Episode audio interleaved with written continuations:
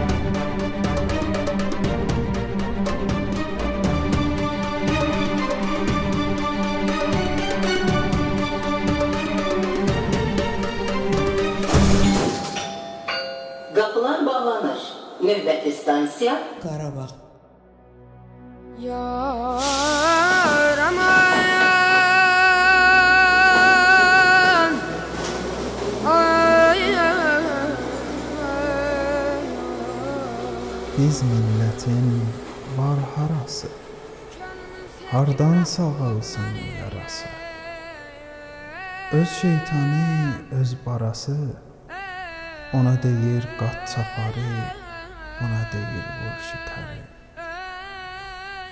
Bir el silah, bir el yalan Biri tünük, biri qalın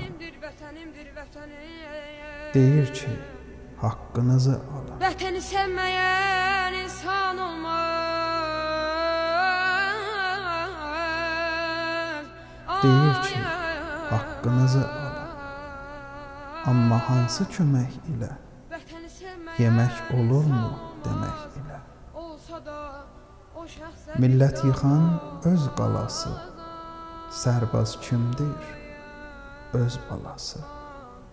Öz qanıdır öz colası Necə deyim çal çatlasın Qovuq kimi vur patlasın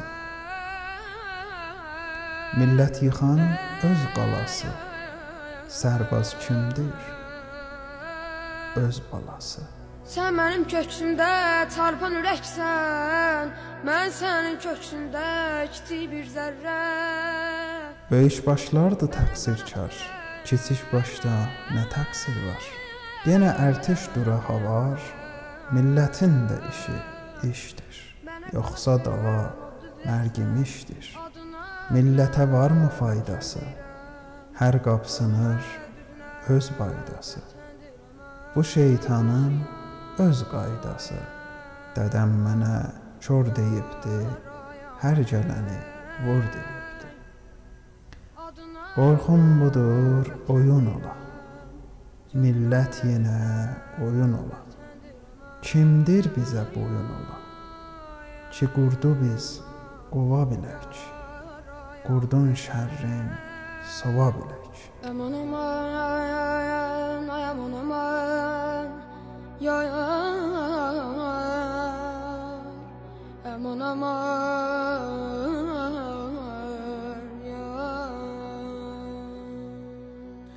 Hər vaxtınız xeyir. Sizi Next Station podkastından salamlayıram.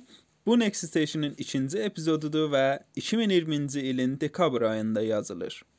Bu epizod birinci epizodun davamında Qarabağ haqqındadır və əgər birinci epizodu eşitməyibsinizsə, elə bu eşitdiyiniz yerdə qayıdıb birinci epizodu da dinləyə bilərsiniz. Və olan söhbətlər həmin epizodun davamındadır.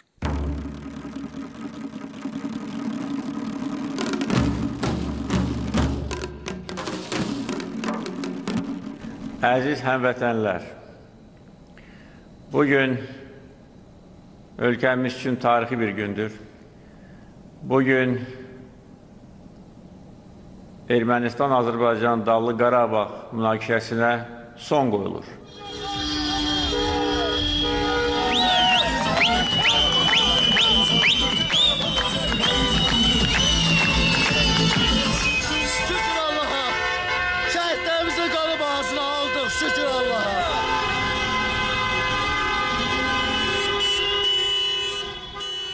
Bu epizodu hazırladığımız vaxt Müharibə 44 gün qanlı döyüşdən sonra sona erdi. Ən azından hələlik. Və 3 ölkə Azərbaycan, Ermənistan və Rusiyanın arasında müqavilə imzalandı. Bu müqavilənin vasitəsilə Qarabağın bəzi regionları Azərbaycanın tərkibinə qayıtdı. 20 noyabr 2020-ci il tarixinədək Ağdam rayonu Azərbaycan Respublikasına qaytarılır. Ermənistan Respublikası 15 noyabr 2020-ci il tarixinədək Azərbaycan Respublikasına Kəlbəcər rayonunu 1 dekabr 2020-ci il tarixinədək isə Laçın rayonunu qaytarır. Və beləliklə bu torpaqlar Azərbaycanın tərkibinə qayıtdı. Torpaq. Torpaq terminini biz son vaxtlar çox eşidirik, özəlliklə müharibə vaxtı. Gəlin birinci terminin anlamından eşidək. Aydın bizim üçün bu barədə maraqlı izahat verir. Mən ümumiyyətlə çalışıram ki, ə, əsas tərifləri birinci sizin üçün açıqlayam ki, təriflər nədir? Çünki tərifləri hamımız təsəvvür edirik ki, bilirik, amma nə yazıq ki, bu həmin təriflərin fərqliliyində müharibələr yaranır, çox böyük problemlər yaranır. Yəni terminlərin anlamı. Aha. Torpaq anlayışı əslində çox mənasız, çox ə, gülünc bir şeyə dayanıdır. Hamımız təsəvvür edirik ki, ə, bu ərazi bizimdir, bu ərazi sizindir, bu ərazi onlarındır. Amma mən sizdən bir sual soruşum. Bu torpaqları kim sizə veribdi? Atalarınız. Atalarınıza kim verib? Bunların atası. So birinci başlanğıc insana bu torpaqları kim veribdi? Ə, yer kürəsinin sənədini kim bizim biz insanların adına vurubdu? Heç kim. Və torpaq anlayışı əslində din və milliyyət kimi ə, anlamsız bir şeyə dayanıdır. Milliyyət əslində anlamsız deyil ha. Biz başa düşməyin. E, milliyyətin səbəbi. Çox adam deyir ki, mən fəxr edirəm Azərbaycanlıyam. Mən soruşuram qardaş, niyə? Deyir ki, bütün Azərbaycanda dünyaya gəlmişəm. Başqa məntiqli cavabı yoxdur. Nə elə baxanda hamı fəxr eləyir. Məsələn, Almaniyalı fəxr eləyir ki, Almaniyalıdır, Amerikalı fəxr eləyir, Amerikalıdır. Aha. Çox adi bir şeydir, primitiv bir şeydir. Dəqiqliklə. Hökumətlər gəliblər, torpaqları pulla bizlərə satırlar, hətta öz şəhərimizdə və bu torpaqları kim hökumətlərə veribdi və icazəsini veribdi ki, bizlərə satılsın? Mhm. Biz insanlar digər heyvanlardan nə zaman icazə almışıq ki, bu torpaqları sahiblənək, bunlarda üstündə yol çəkək, özümüzə evlər quraq və düşünək ki, bu evlər bizimkidir, iminli biz sahiblənməliyik. Digər heyvanların haqqı yoxdur ki, bunlara va- daxil olsunlar. Və s. Bunun ardınca da e, müharibələr yaradırıq, e, digər millətlərlə, digər insanlarla dalaşırıq ki, bu torpaq mənimdir, o deyir mənimdir.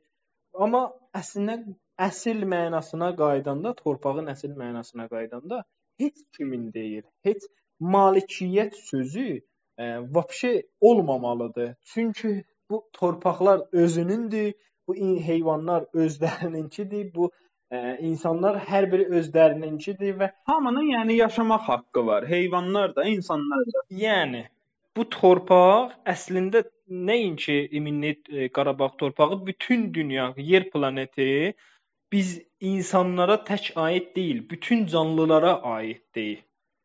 Nəinki e, iminli Azərbaycanlı desin mənimdir, Qarabağlı desin mənimdir, e, İranlı desin mənimdir. Bütün insanlara heç, bütün canlılara aiddir. Hət, hətta o ağac ki orada e, yerdən, torpaqdan çıxıb gedir göyə, özünü günəşə yetirir, ai- ona da aiddir.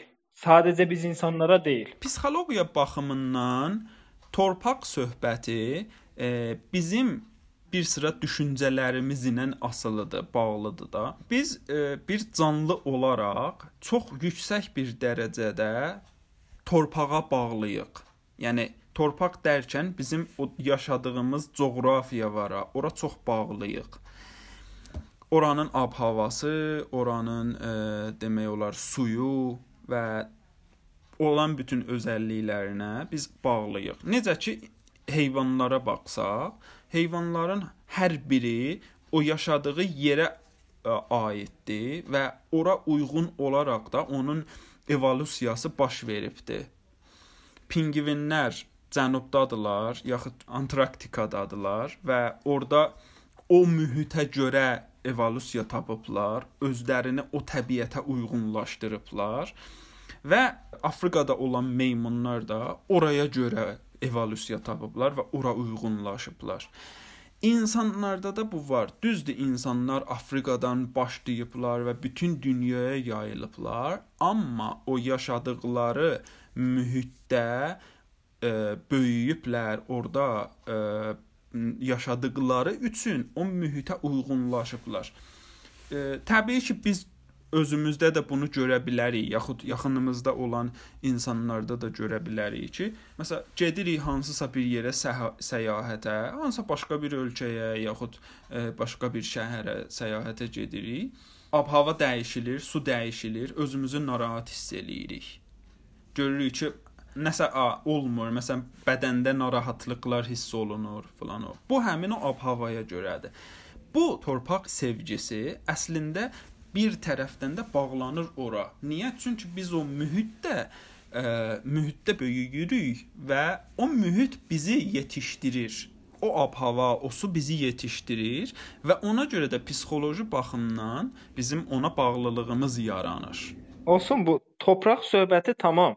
Amma ki bir maliklik hissi var. Bu maliklik hissi psixolojidir. Yəni o torpaq söhbətinə aid deyil. Biraz fərqlidir, mədəniyyətlərə bağlıdır, mədəniyyətdən gəlir. İçində bağlılıq var da, sən biraz detallı baxsan bağlılığı görə bilərsən. Məsələn, bir sıra heyvanlar var, özlərinin bir ərazisi olur və o ərazini qoruyurlar. Hı? Məsələn, şerlərə baxaq, qurdulara baxaq, pişiklər, adi pişiklər, evet. itlər, məsələn, öz ərazilərini gedirlər. Məsələn, it nə edir? Gedir, e, ayağını qaldırır, bir dənə sidiyini atır ora, onun vasitəsilə öz ərazisini bəlli Özünə eləyir. Özünə bir territoriya bəlli hə, eləyir. Hə, bəlli eləyir ki, bura mənim ərazimdir. Yaxud ayı gedir ağaclarda belini e, sürtür ağaca, orada iz buraxır ki, o biri erkək ar, e, ayılar bilsin ki, bura kimin ərazisidir. Burada rəis kimdir? Kimin sözü keçərlidir məsəl üçün. Amma həmin hissiyat insana keçəndə insanın üçün e, həm egosu vardı, həm düşüncədə gələcəyə getmək tələbi vardı. Ona görə gəlir bəzi işlər görür ki, onlar nə təbiətə yaxşıdır, nə insanlara yaxşıdır, nə də başqa heyvanlara, başqa canlılara. Kontroldan çıxır da, təbii ki. Ona görə ki, heyvanlar hamısı ə, default olaraq eləyirlər bunu, amma bizdə biraz bir indiki şuur var. İnsan düşünür və durur reaksiya göstərir hansısa ətrafında baş verən hadisələrə malik olmaq hissi bir tərəfdən də e, malik olmaq bizə yaxşı hissi verir. Gedirik hansısa paltar almağa, bilirik ki, lazım deyil də, amma alırıq. Yaxud giririk mağazinə, nə qədər şey var, onları biz istəmirik, amma alırıq. Bilirik ki, lazım deyil. Hətta iqtisadi baxımdan da deyirlər, ac olmayanda getmə marketə. Niyə çox alarsan? Ona görə ki, sən ac olursan. Yəni psixoloji baxımdan ac olursan, təkcə fiziki deyil.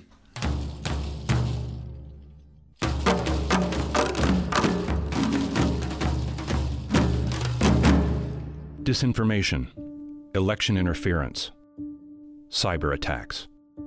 These are gray zone tactics that the United States and others have struggled to counter. Massive data breaches, like the hack of 22 million records from the Office of Personnel Management, have been tied to state supported organizations and individuals.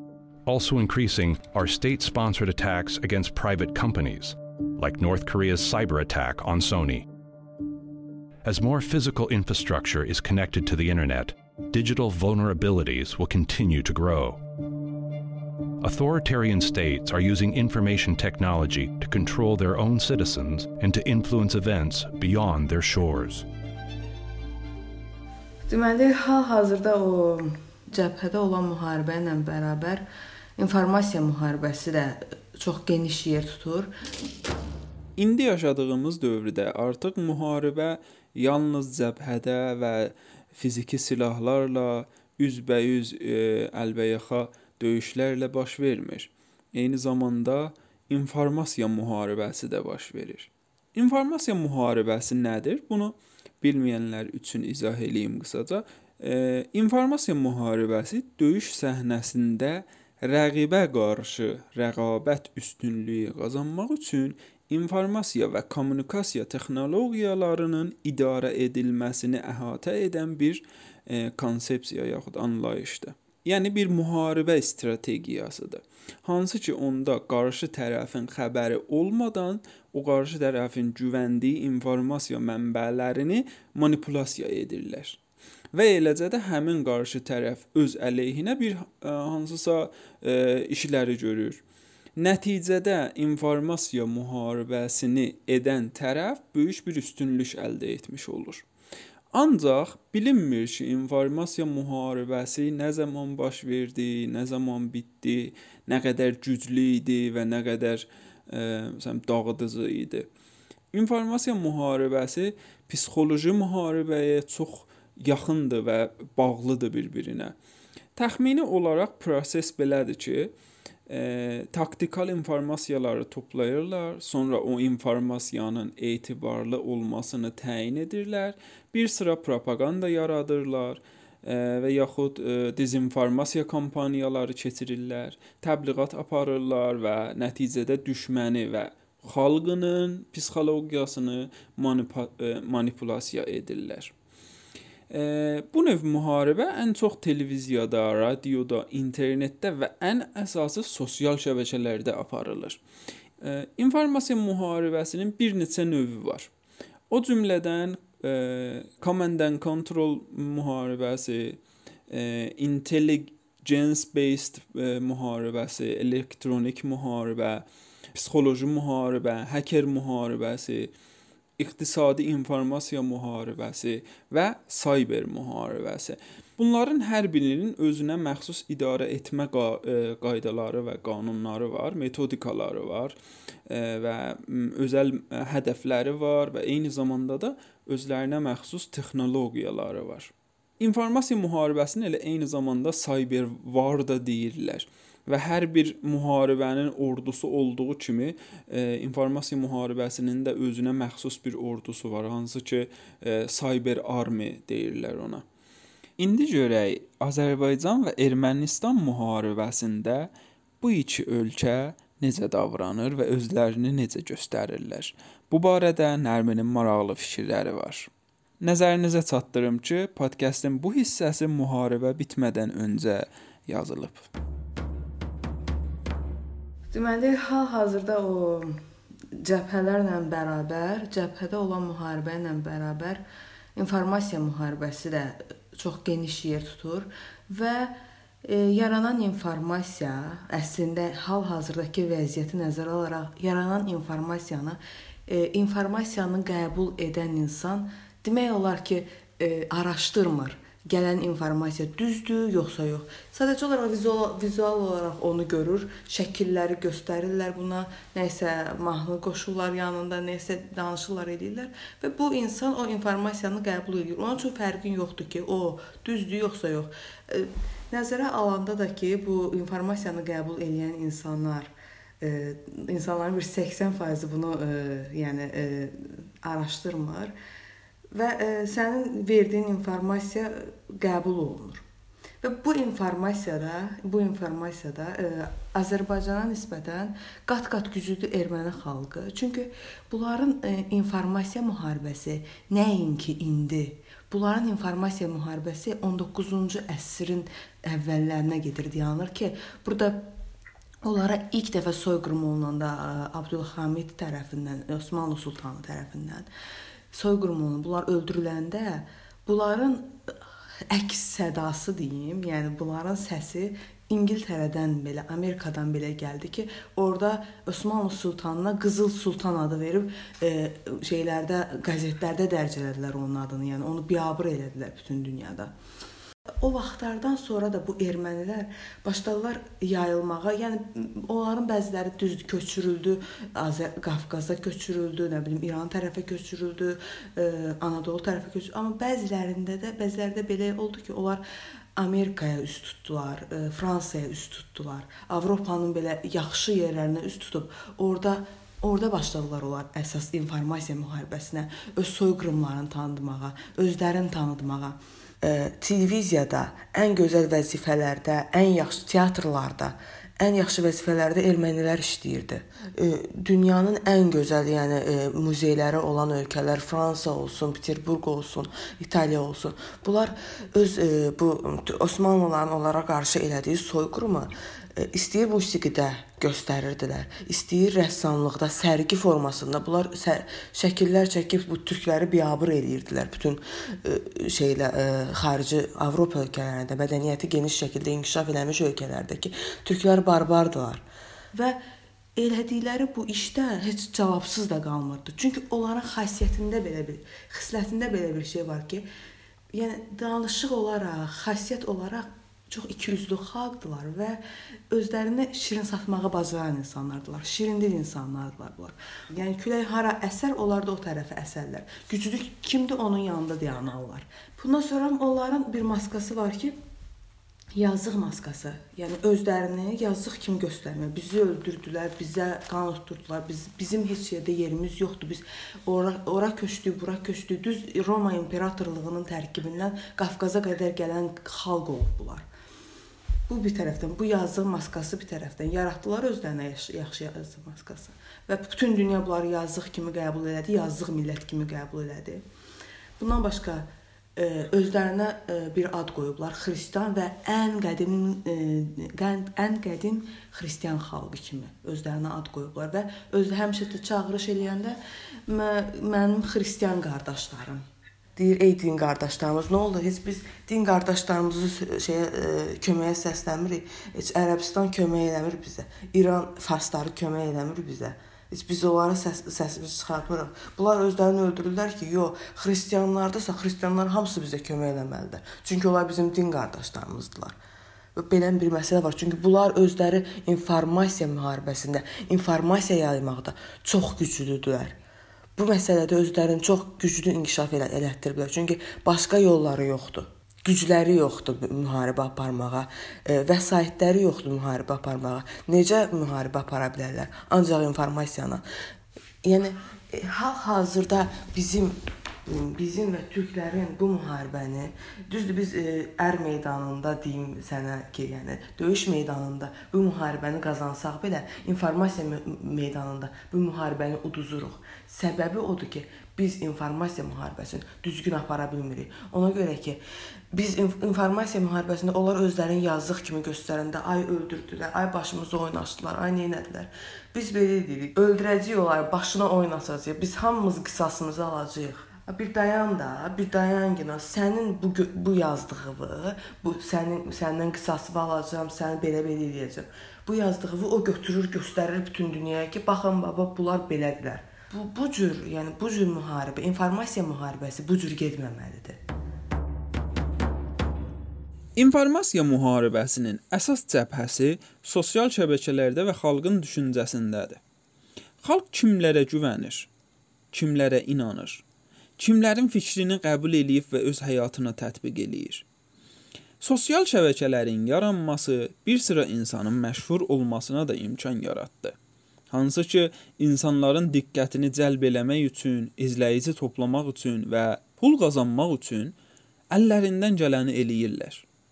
Bu gün o insanları bloger adlandırırıq. Blogerlərin paylaşımları insanların düşüncəsində böyük təsir edir. Eyni zamanda məşhur media selebritiləri var.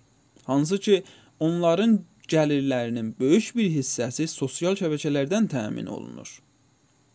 Hal-hazırda milyonlarla insan blogerləri və selebritiləri izləyirlər və onlara inanırlar.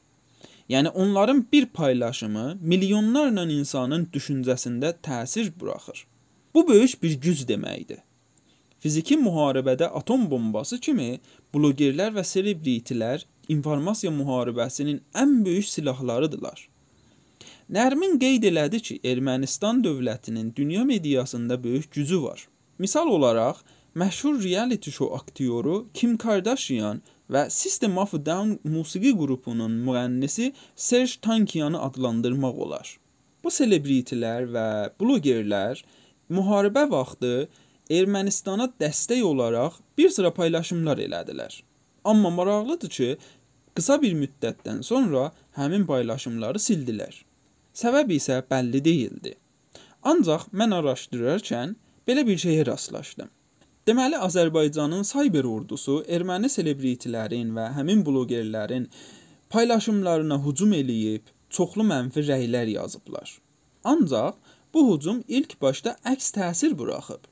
Çünki sosial mediaların alqoritmləri belə işləyir ki, hansı paylaşıma çox rəy yazılsa, o paylaşım daha çox görünür. Qısa bir müddət ərzində kommunikasiya idarə olunur və mənfi rəy yerinə mənfi reytinq hücumu başlayır. Bu hücum öz təsirini göstərir və nəticədə selebritilər və blogerlər sosial imiclərini təhlükədə görüb paylaşımlarını silirlər. Bu fakt onu göstərir ki, həmin blogerlər və selebritilər Azərbaycanın əleyhinə paylaşım etmək üçün Ermənistan dövlətindən pul alırlar. Amma təhlükəyə düşdükləri zaman cəbhəni tərk edib geri qaçıblar. Təbii ki, bu informasiya döyüşünü Azərbaycan selebritiləri və blogerlərində də görmək olar. Qarşı tərəfin bu cür tutumuna, bu cür e, obrazına qarşı olaraq bizim informasiya müharibəsində yaratdığımız obraz çox sərt obrazdır və yəni çox informasiya müharibəsinin emosionallığından istifadə eləyə bilmərik biz bu obrazla. Çünki elə o günlərin birində məsələn Gəncə hadisələrində bir kişini kişidən intervyu alır ki, necə oldu, nətər baş verdi. Həmin o Azərbaycanlı türk deyir ki, biz deyir qandan qorxmuruq ki, biz qan görəndə dayıca qızışırıq. Yaxşı. Bunu sən dedin. Pis obraz, hə. Bilirəm, yəni bizim millətin belə bir qanunda var. Bizim millətin nə olursa olsun, başına nə gəlirsə gəlsin, heç vaxt durub deməyəcək ki, mənə pis oldu, mən ağrıdım, mən yazığam. Deməyəcək bunu. Yəni qayıdıb o qisas almaq haqqında ömür boyu fikirləşib. Bizim millətdə budur. Qürur böyükdür, həddindən artıq böyükdür. İnformasiya müharibəsi qüruru qəbul eləmir. Belə bunu qəbulla olmaz. Və bunu görən hansısa bir xarici vətəndaş şoka düşər. Yəni bu söz onu də, şok şoka salar ki, yəni qan görəndə qızışıram nə demək? Sonra elə siz dediyiniz e, məsələn Kim Kardashian olsun, hə, həmin bu müharibə dövründə orada onların e, yenə də Los Angelesda yaşayan e, erməni var, e, Hüruş adında. O da böyük işlər gördü bu məsələdə ki, məsələn üçün o nə edirdi? Bizim bu o çıxır, danışır, danışır, danışır. Məsələn Kim Kardashian çıxdı, danışdı, danışdı, danışdı. Bizimkilər ona ağzına gələni yazıblar. Bunlar da açırlar o direkti. Ya bizimkilər yazırlar sizi öldürəcəyik, sizin qanınızı içəcəyik, hələ gəlib Yerevanı da alacağıq, sənin özünü də alacağıq. Belə bir şeylər yazırlar. Bunlar da bunlar da onu götürürlər qəşəng skrin elədilər paylaşdı. Məsələn, biri o 10 milyonluq səhifəsində paylaşdı. Kim Kardashian 190 milyonluq səhifəsində paylaşdı bu şeyi, bu şeyləri. Yəni bizim necə məsələn barbar olduğumuzu ucu 190 milyon gördü də. Yəni millət mütləq bunu düşünməlidir ki, mən bunu yazıramsa, ə, e, bütün dillərdə üje translate vardır və bu tərcümə olur başqa dillərə və bütün dünya bizim bu söydüyümüz söyüşləri tamamilə görürlər. Tərcümə eləyib yazıb, ingilis dilində yazıb, gözümlə gördüm. Yəni bunu yazıb. Mən bunu başa düşürəm. Mən bizim millətin bu emosionallığını başa düşürəm. Siz ürəyim boşalsın. Hə, mən bunu bilirəm. 30 illik bu ürək boşaltmasıdır. Amma yəni informasiya müharibəsində qalib gəlmək üçün bu cür qalib gəlmək olmaz. Bura ora harp meydanıdır. Düzdür, düzdür. Sözünə qüvvə olaraq bizim bir aktyor var. Qolşiftə Fərahani. E, o gün o səhifəsində bir e, mahnı paylaşmışdı. İngiliscədə, farscada yazdığı söz bu idi ki, e, bizim qonşu ölkələrimizdə insanlar ölürlər. Müharibənin səbəbi önəmli olmayaraq insanlar fəda olunurlar. Bunu yazmışdı təkcə və başlamışdı erməni dilində e, nəsə mahnı oxuyurdu. Bütün insanlar e, Azərbaycan sevənlər gəlib Azərbaycan bayrağı qoyub başlayıb onu söymüşdülər, təhqir eləmişdilər. E, ermənilər də gəlib öz bayraqlarını buraxıb e, sən yaxşısan, sən beləsən demişdilər. Bu insanlar da, digər insanlar da, digər millətlərdə pis e, təsir buraxır. Yəni hamı bunu düşünür ki, "Aha, bunlar nə qədər vəhşi millətdilər." Gör necə bir dənə tanımadığı insanı gəlib adam təhqir eləyir. Bu düşüncəni yaradır. Yəni əslində bu bizim millətin psixologiyasını göstərir. Aqressiv görünür. Bu bizim dışdan görünən obrazımızdır da.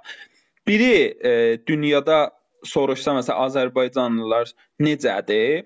Baxsa bizlərə, yəni bunu görər də, deyər ki, hə, bunlar aqressiv bir millətdir. Necə ki, bütün dünyanın harasında soruşsan ki, İran müsəlman deyər terrorist. Ay sağ ol. Yəni o da eyni zamanda e, yaranmış bir e, süni obrazdır.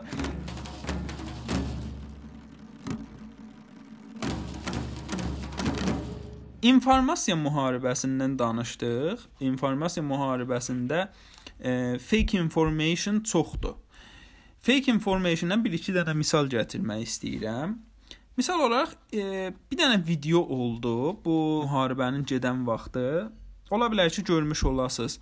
Bir-iki dənə adam yığılmışdı, baxırdılar ə, hansısa mənzərəyə. O mənzərədə də müharibə baş verir, döyüş baş verir ə, və titulda yazılmışdı ki, bu İranlılardır və Qarabağla Ermənistanın arasında gedən müharibəyə baxırlar və bunu Qarabağ adına yazmışlar. Amma əslində o fake e, bir informasiyadır.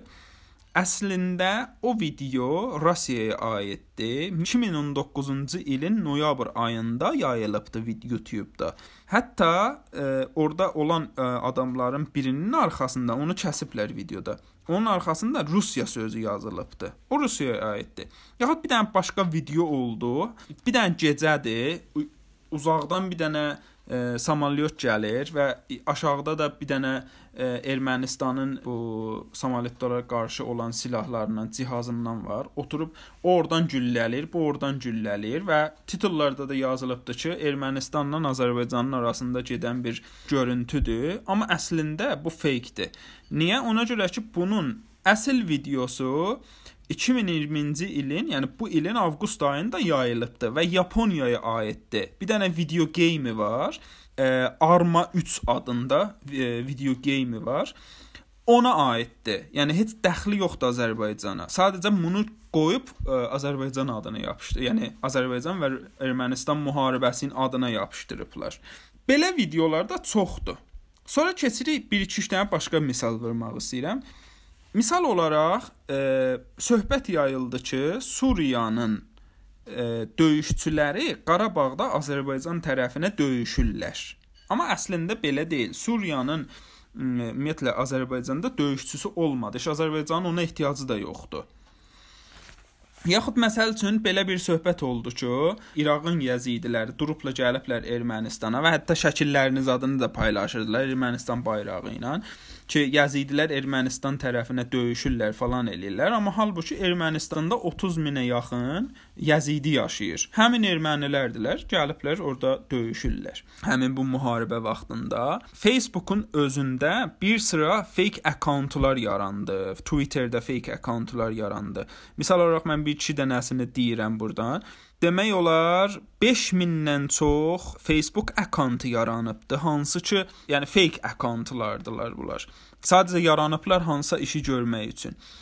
7900 dənə page yaranıbdı. 7900-dən də elə çox page yaranıbdı Facebookda məhz bu bu müharibə üçün. Instagramın özündə 500-dən çox akkaunt yaranıbdı, hansı ki, fake information verirlər və Bu maraqlı tərəfidir. Facebookda bir sıra gizli qruplar yaranıblar. Məsəl üçün Cyber Armies yaxud e, məsəl üçün Media Fighters. Bu qrupları axtarsaq e, gedib tapa bilərik. E, gizli qruplardır. Yəni siz ora gedib hətta üzv olmaq istəsəniz belə, bəlkə ola bilsin ki, sizi qəbul eləməsinlər. Amma şey o qruplarda məsələn nə üçün yaranıblar? Or orada yığılırlar və hansısa hərəkatı eləmək üçün dururlar, gedirlər, plan qururlar, söhbət eləyirlər, şəkillər paylaşırlar bir-biri ilə. E, adını apardığım o videolar var. E, o videoları bax həmin qruplarda düzəldirlər və e, bir-birləri ilə həmkarlıq eləyirlər və beləcə də fake informationu çoxaldırlar.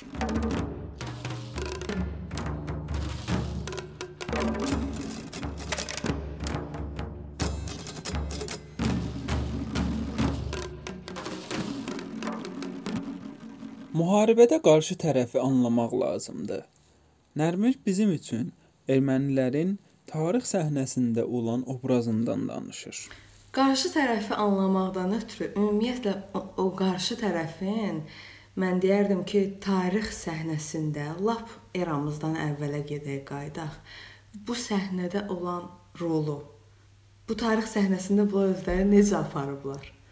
Və görəcəyik ki, yəni çox gülməli bir vəziyyət yaranır yəni ortalıqda. Bu məsəl üçün e, Romalı tarixçi Tak Tacitus adında bir Romalı tarixçi var idi. O ermənilər haqqında belə e, deyirdi ki, həmin illərdə e, ermənilər etnik azınlıq şəklində Bizans imperiyasının daxilində yaşayırdılar, yəni.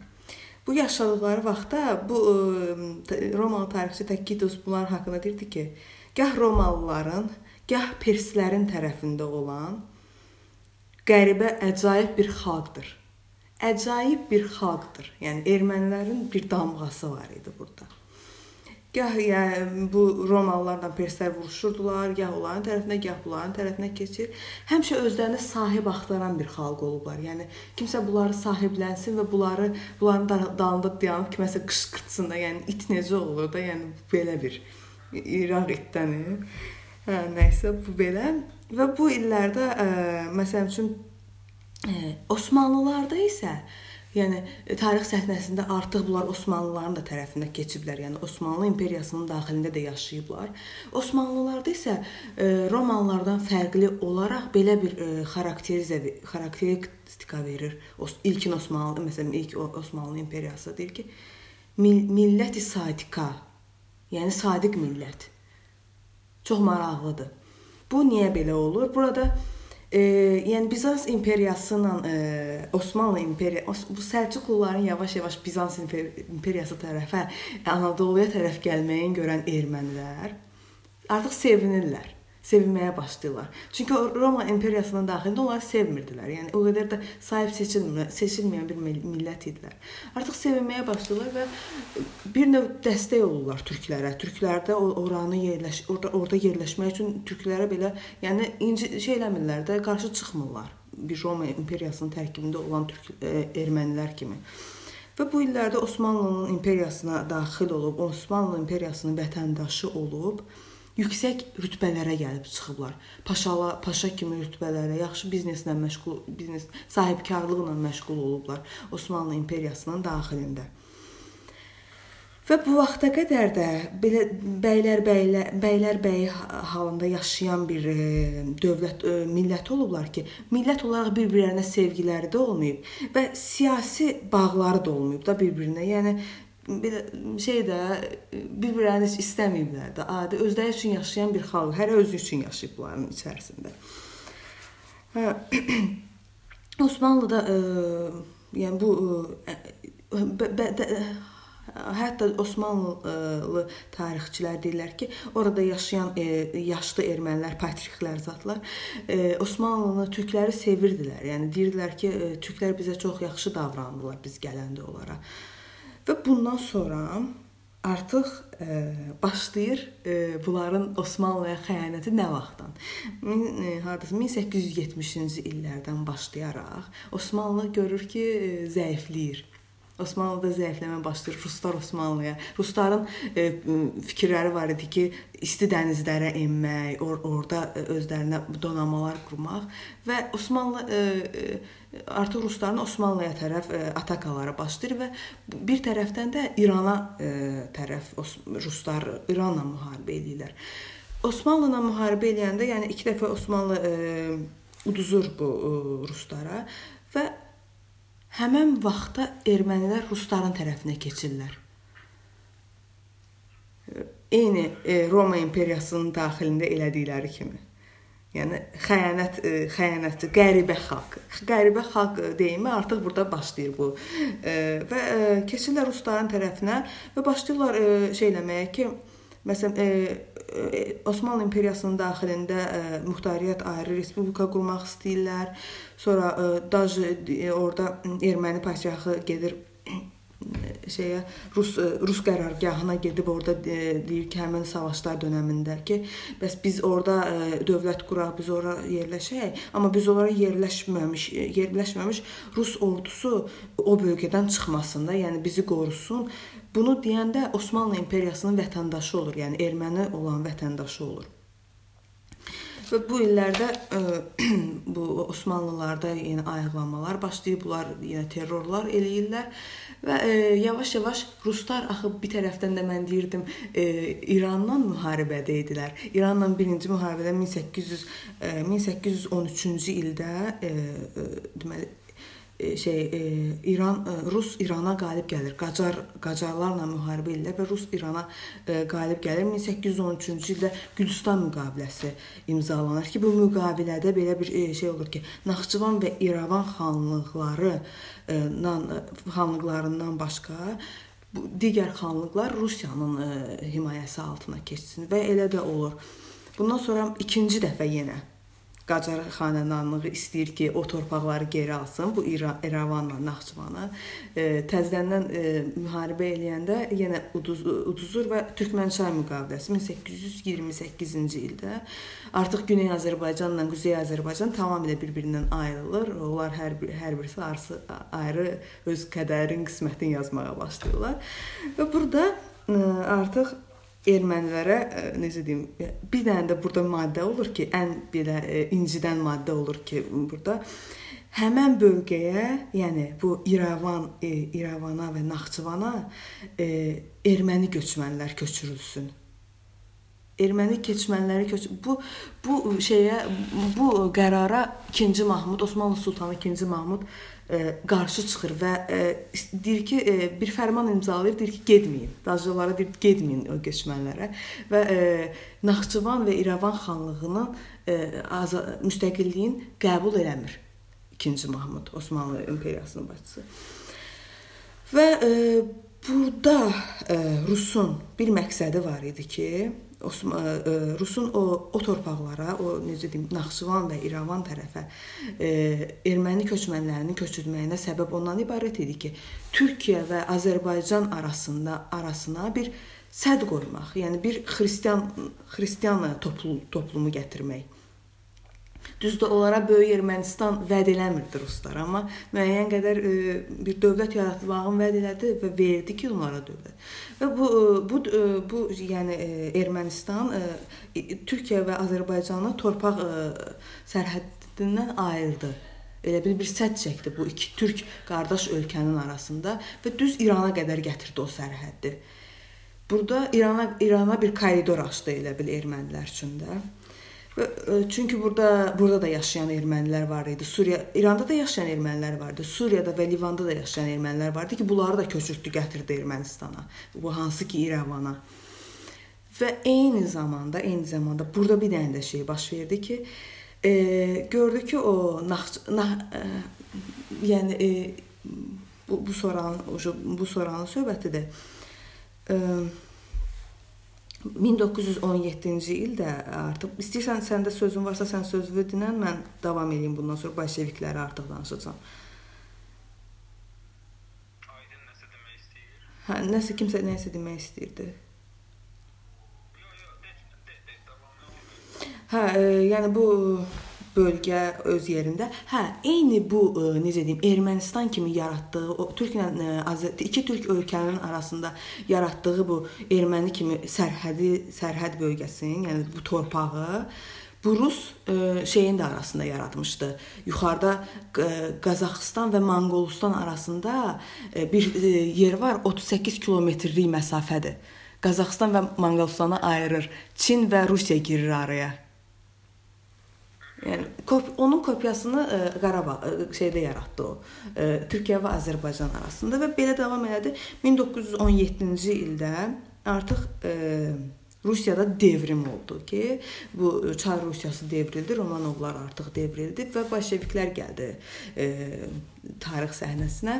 Bolşeviklərin başı biraz biraz qarışmışdı öz məsələlərinə, çünki o Rusiyada vəziyyəti düzəltməli idi ki, bu e, Qafqaza girsin. E, Bu dövrdə e, Ermənistan, Azərbaycan, e, Gürcüstan özləri bir Qafqaziya, bir e, Qafqaz ölkələri birləşib bir dövlət yaratmaq istədi. O 1 ildən artıq çəkmədi. Yəni elə bir əhəmiyyəti olmadı bu dövlətin.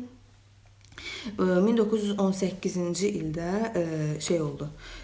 Azərbaycanda artıq 1918-ci il 18 yox. Azərbaycanda ayaqlanmalar başladı. Azərbaycanda ə, e, ayaqlanmalar başladı ki, burada bolşevikləri e, yavaş-yavaş Azərbaycana girmək istəyirdilər. Bakıdan girmişdilər. Burada ayaqlanmalar başladı. Azərbaycanlılar qəbul eləmirdilər bolşevikləri və 31 mart soyqırıq. 31 mart soyqırımı oldu. Bəli, bəli, bəli. Belə bir qırğınlar törətdilər onlar ə, Azərbaycan türklərinə qarşı. Və bu ə, qırğınlar ə, ərəfəsində 1918-ci ildə Məmməd Əmin Rəsulzadə e, şeylədi. Azərbaycan Cümhuriyyətini yaratdı və bu cümhuriyyətə e, bu cümhuriyyət vaxtı da Naxçıvanı yenə bunlar e, şey götürmək istədilər, ayır, ayırdılar və Ənvar Paşa xəbər tutanda bu söhbətdən artıq Ənvər Paşa Türkiyə bu söhbətə qarışıb Naxçıvanı Azərbaycanın tərkibində saxladı. Amma yenə də Rus öz siyasətini orada göstərdi ki, Zəngəzur e, e, Zəngəzur ermənilərə verdi. 1920-ci ildə Zəngəzur ermənilərə verdi ki, yenə də burada Naxçıvan və Azərbaycan arasında bir sərhəd olsun. Yəni torpaq e, ərazisi olmasın. Hal-hazırdakı bizim məqsədimiz məqsədimiz də, yəni indiki olan 2020-ci ildə olan müharibənin səbəbi də Laçını almaq, bütün Dağlıq Qarabağ bölgəsini almaq, o heç Laçın koridorunu almaq və Laçın koridorundan Zəngəzurdan Naxçıvana bir torpaq yolu çəkmək və oradan Türkiyəni e, Azərbaycana birləşdirmək məqsəd budur. Mənə görə, yəni hal-hazırda 2020-ci ildə olan 2-ci Qarabağ müharibəsi Düz Azərbaycan Ermənistan arasında gedir. Amma bu müharibə nə Türkiyə ilə Rusiya arasında gedir, nə Türkiyə ilə İsrail arasında gedir. Bu müharibə Türk ilə İran arasında gedir əslində. Yəni görünməyən tərəfləri var müharibənin. Türk ilə İran arasında gedir. Çünki İran dövləti üçün İranda bizim 35 milyon, 40 milyona yaxın Azərbaycan türkümüz yaşayır. Bu düzdür. Və və İran üçün hər zaman güclü bir Azərbaycan təhlükə olub. Güclü bir Azərbaycanın da İsraillə dostluğu bu iki qat təhlükədir. Və hal-hazırdakı mövqeyim ondan ibarətdir ki, yəni e, İranın İranın Ermənistana e, yəni dırnaq arasında dəstəyi necə dəstək havasını, yəni hava e, yollarını açdı o, yəni oynaya oynaya açdılar onlar, yəni hava yollarını Ermənistana. Və e, bu müharibədə o sərhədin e, İran sərhədinin tamamilə Azərbaycanın əlinə keçməsi İran və türklərin münaqişəsi gedirsə, Azərbaycan hardasa bir e, yəni vasitəçi rolunu oynayır ki, İran e, Türkiyə özün öz gücünü İrana göstərir.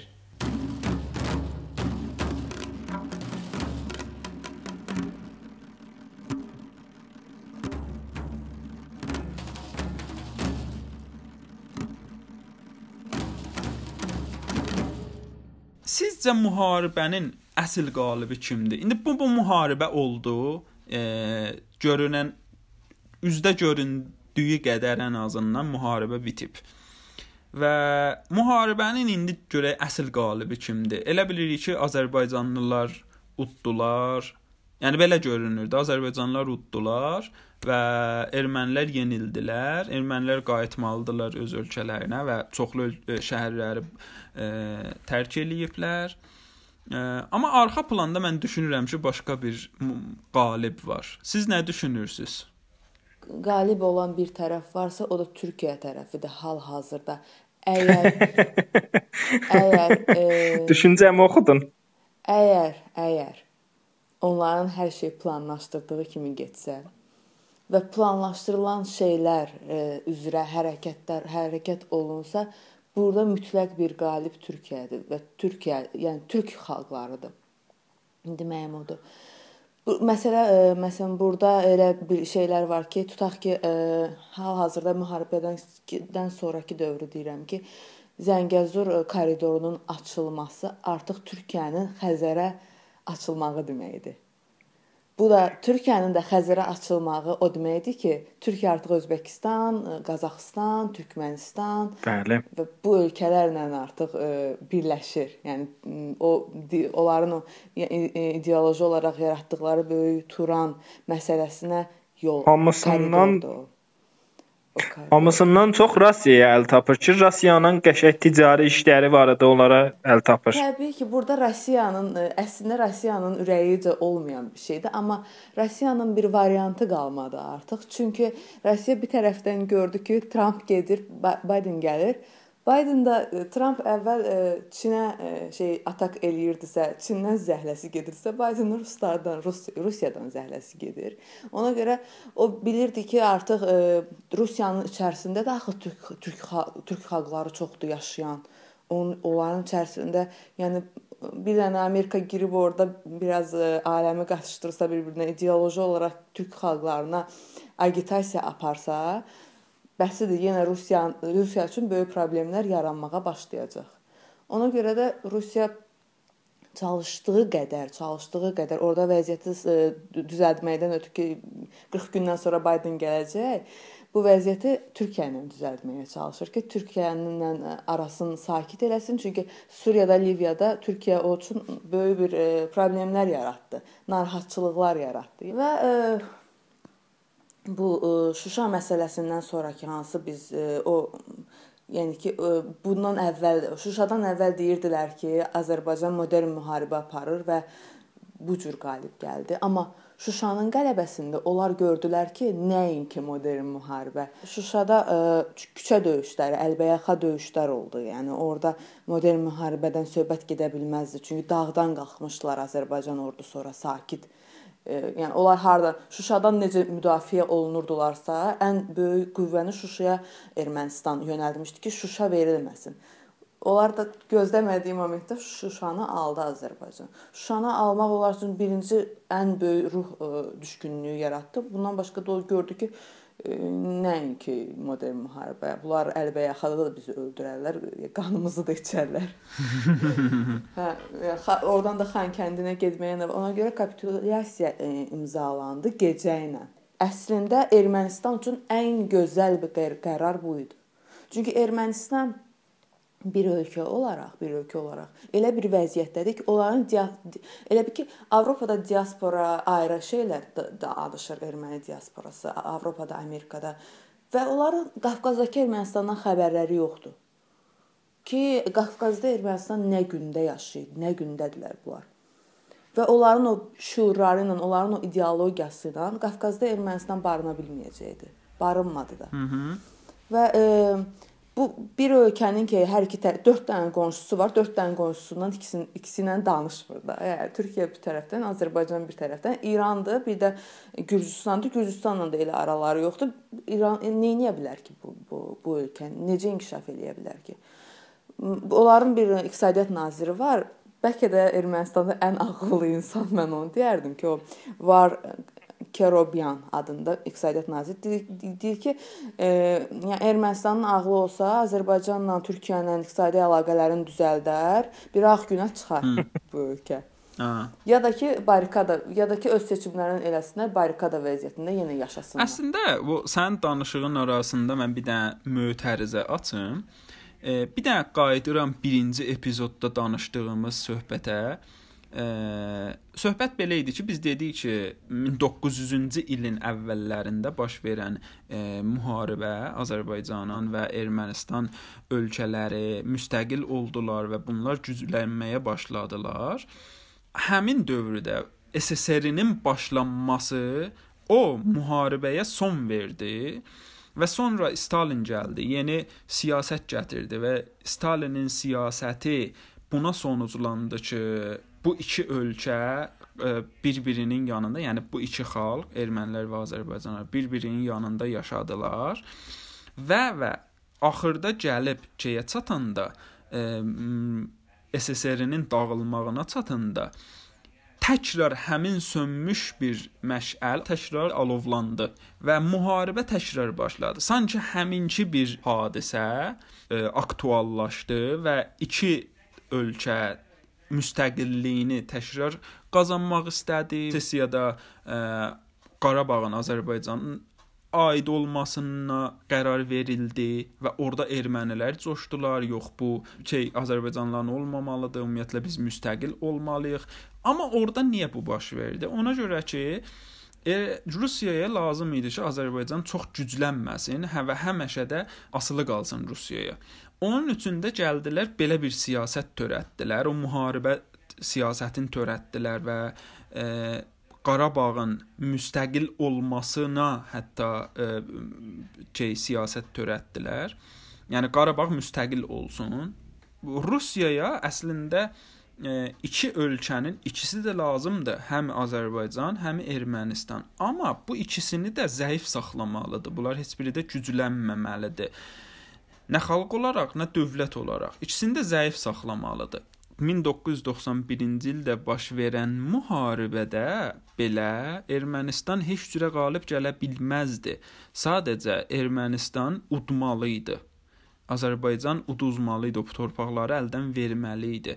Niyə? Ona görə ki, ə, e, belə sərf eləyirdi Rusiyaya. Hamıya, hamıya, tək Rusiyaya yox. Hə də hamıya. Azərbaycan güclənməməli idi. Əslində o dövrdə də bunlar heç yəni Ermənistan şeyi, ölkəsi heç cürə hərbi gücü çox zəifdir də hərbi gücü. yəni gücü yox idi da. İndi gördük də necə oldu. Elə həmin dövrdə də təxmini belə bir şey idi. Heç nə dəyişilməyibdi ki. Türkmənçayın müqaviləsinin e, tam yerinə oturmaması üçün, Rusiyanın öz məqsədlərinə çatması üçün Ermənistanla Azərbaycan arasındakı nefr e, nifrət daha artması üçün və s. Bəli, belə səbəblər təbii ki, onu gücləndirirdi ki, o işi görsünlər. İndiki vəziyyətdə niyə gəldilər? Təkrar müharibəni başlatdılar. Yəni bu davam eləyə bilərdi də. Ona görə ki, birinci vəziyyət dəyişilməli idi.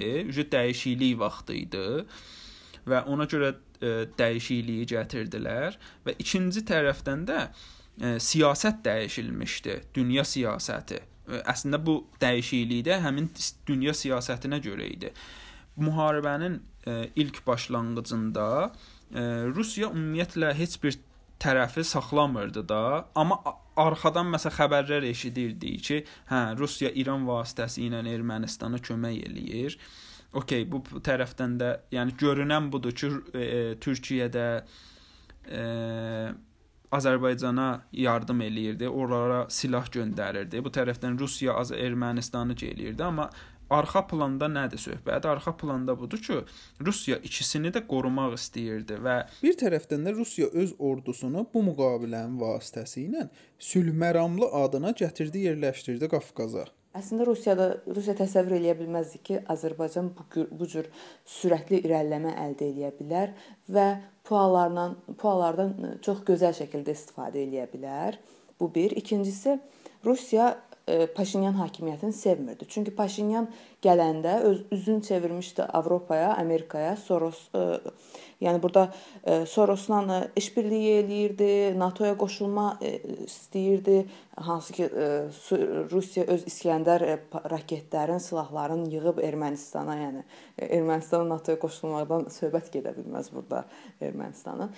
Və bir dənə də məsələ var ki, Rusiya e, Ermənistan nə vaxt Rusiya əleyhinə nə isə eləyir, eləyib tarix boyu da nəyisə itirib. Eləyəndən sonra nəyisə itirib. Bu ə, Lələtəpə ə, döyüşlərində 2016-cı ildə aprel ayında aprel döyüşləri oldu ki, burada Lələtəpə yüksəkliyi Azərbaycanın şeyinə keçdi. Azərbaycan tərəfə keçdi. Ondan 4 4 gün qabaq Sarkisyan şeyə getmişdi, Amerikaya getmişdi Obama ilə görüşə. Nükleer adı belə bir zirvə görüşü idi ki, nükleer silahlanma əleyhinə zirvə görüşü idi. Və bu görüşü Rusiya boykot eləmişdi. Rusiya getməmişdi bu görüşə. Hə. Onun da 4 gün sonra Lələtəpə getdi. Yəni Rusiya orada göstərir, yəni mənəm burada, mənəm səni idarə eləyən, mənəm sənin hər bir e, hər bir şeyi e, mühafizəvi təşkil eləyən mənəm. 1 saniyə buraxsam səni Azərbaycanlı orada yox eləyəcək. Türklər səni orada yox eləyəcək. Hə də, rəis burada kimdir? Mən bəlli eləyirəm. Məncə müharibə kimi böyük bir bir olay olursa, bunda kim qalibdir, kim bu yola salıbdı, kim e, sonuc nəticəyə baxır, bunu anlamaq üçün e, bu sualı verməliyik ki, kimin bunda nə mənfəəti var? İndi Nərmin bir hissəsini izah elədi mən bu sualı soruşmadan, amma bunun tək xeyirli yeri Rusiya üçün deyildi. Yəni bundan başqa xeyir götürənlər də vardı. Təbii ki, Azərbaycanın burada çox böyük xeyri var idi. Böyük e, xeyirlər apardı və bu belə deyim ki, bu müharibə belə küçə dalaşı kimi deyil ki, iminli baxaq ki, bu adamlar ki burdadır, niyə döyüşürlər? Niyədən sonra kimin xeyri vara da baxmalıyıq. Məsəl üçün birinci epizodumuzda Hafiz buna toxunmuşdu ki, e, İkinci Dünya müharibəsində Amerika hər yerdən daha e, qalib olan e, Amerika idi. ABŞ idi. Və niyə? Çünki ABŞ gəldi müharibədən sonra hamıya kredit verdi və o kredit vermələrlə özünü qurtardı heç E, digər ölkələri özünə bağlı elədi. hə. İndi burada da eyni temadır. E, burada da baxsaq ki, kim hansı xeyirlərə əl tapıbdı, orada başa düşə bilərik ki, müharibənin qalibi kimdir? Təbii ki, Rusiyanın bu xeyirləri var idi. Məsəl üçün İran sərhədlərində Rusiya silahları İran torpaqları ilə gedirdi Ermənistana və millət ayağa qalxmışdı ki, bəs bu niyə bu işi görürsüz? İranın bunu etmək səbəbi həmin Fars və Azərbaycan millətinin arasındakı nifrətidir. Bunu nef bu nifrətə daha qüvvələndirmək istəyir həmişə. Təbii ki, bu hökumət hökumət həmişə o nifrəti qüvvətləndirmək istəyir və və ə, e, İran hökuməti istəməyib heç vaxt yanında güclü Azərbaycan. Yəni digər küncdən baxanda da İlham Əliyev bu müharibədə çox böyük qələbə qazandı da. Müharibədən qabaq hamı nifrət eləyirdi e, İlham Əliyevə. E, nə qədər müxalifətə və çevrildi bir milli qəhrəmana. Yaşasın Azərbaycan xalqı, Allahsız Azərbaycan. Yaşasın Cənab Ali Başkanında. Qarabağ Prezident, qarşıda baş əyirəm. Və ən əsası, prezidentimizin canı sağ eləsin ki, bizə bu sevinci yaşatdı.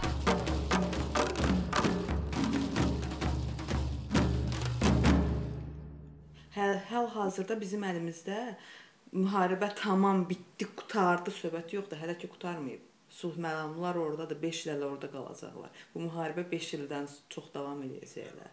Yəni indiki vəziyyətə görə biz danışdıq. Hal-hazırda vəziyyət budur. Amma tarix bizə nə göstərəcək, sabah durub nə görəcəyik, onu hələ ki bilmirik. Yəni müharibə elə bitməyib. Düzdür, mən də düşünürəm ki, müharibə bitməyibdi. Yəni baxın da indi Rusiya ordusunu gətirdi, yerləşdirdi Qafqaza O tərəfdən Türkiyə də gətirmək istəyir. Bu tərəfdən İran ordusunu gətirib sərhəddə yerləşdiribdi. Yəni əslində sərhəddə olan ordusunu daha çox gücləndiribdi və digər tərəfdən İranla İsrailin arasında son vaxtlar çox gərgin bir konflikt yaranıbdı. Və neçə dənə belə misalları çəkmək olar. Yəni bu onu göstərir ki, müharibə önümüzdə var. Başqa formalarda ola bilər. Bəlli deyil, ancaq ki, var. Hal-hazırda indi Türkiyə hələ e, işini bitirməyib. Türkiyənin indi qabaqda planları var ki, oradan bu yəni o Naxçıvan yolu ilə Türkiyə, Azərbaycan və bu İranın bizi tərəfə şimal hissəsi düşür də. İranın şimal hissəsindən Orta Asiyaya doğru yol. Bu Türkiyə biraz incidəcək bu yolu açmaqdan ötürü İranın, İranı. Yəni biraz xətrinə dəyəcək İranın. Amma əvvəl-axır ki o yolu açacaq o. Əvvəl-axır ki o onu eləyəcək. Hı -hı. Əslində bilirsən dünyanın vəziyyəti necədir hal-hazırda? E, sanki futbol oyununda 15 dəqiqə istirahətə çıxılar. Aynən elədir. İstirahətə çıxılıbdı. Hal-hazırda biraz hələ sakitlikdir. İndi yanvar ayına keçək, yanvar ayından başlayacaq.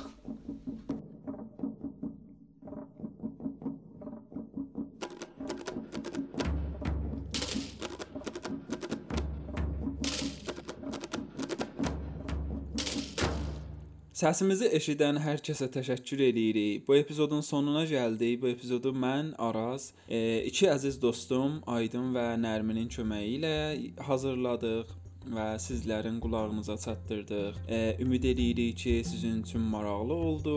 Əgər xoşladınızsa, dostlarınızla mütləq paylaşın və onlarla da bölüşün.